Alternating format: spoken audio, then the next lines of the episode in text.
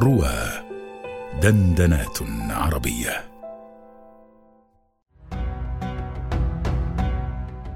آيات وأبيات مع الأستاذ أبي قيس محمد رشيد على رواه.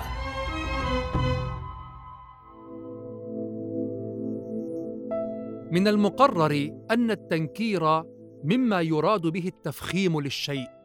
وتعظيم المعنى. وكنت أعجب قديما من قول طرف بن العبد حينما درست المعلقات لأول مرة إذ يقول لخولة أطلال ببرقة ثهمدي تلوح كباقي الوشم في ظاهر اليد.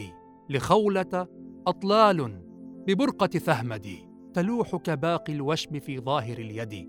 فنكر كلمة أطلال قال لخولة أطلال مع أننا نعلم أنها أطلال خولة.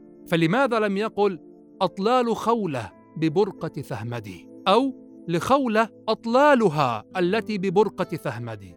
وإنما قال لخولة أطلال ببرقة ثهمدي. فاختبرت نفسي في الشعور جربت أن آتي بكلمة الأطلال معرفة مرة بالإضافة إلى الضمير ومرة بالألف واللام وغير ذلك. فما وجدت للأطلال أثرها في نفسي إلا مع هذا التنكير. لخولة أطلال لأن التنكير يجعل عقلك يذهب كل مذهب في آثار هذه الأطلال. لخولة أطلال. ثم بعد وقفت على قول امرئ القيس سما لك شوق بعدما كان اقصرا فتأكد عندي هذا الأمر. لماذا لم يقل سما لي شوقي؟ لماذا لم يقل سما لك شوقك؟ لماذا لم يقل سما لك الشوق؟ لماذا لم يعرف بطريقة من طرق التعريف؟ وإنما قال سما لك شوق. لما نكر هنا وقال سما والسمو والارتفاع والهياج الأعلى لما قال سما لك شوق كان بذلك التنكير للشوق فاتحا لك الباب ليذهب عقلك في حجمه وأثره كل مذهب. وجاء القرآن على اللسان العربي المبين.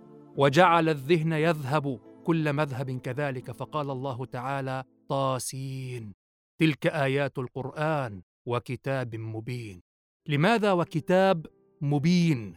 مع أن الله تعالى عرف القرآن قبله عرف هذا الكتاب بأنه القرآن تلك آيات القرآن.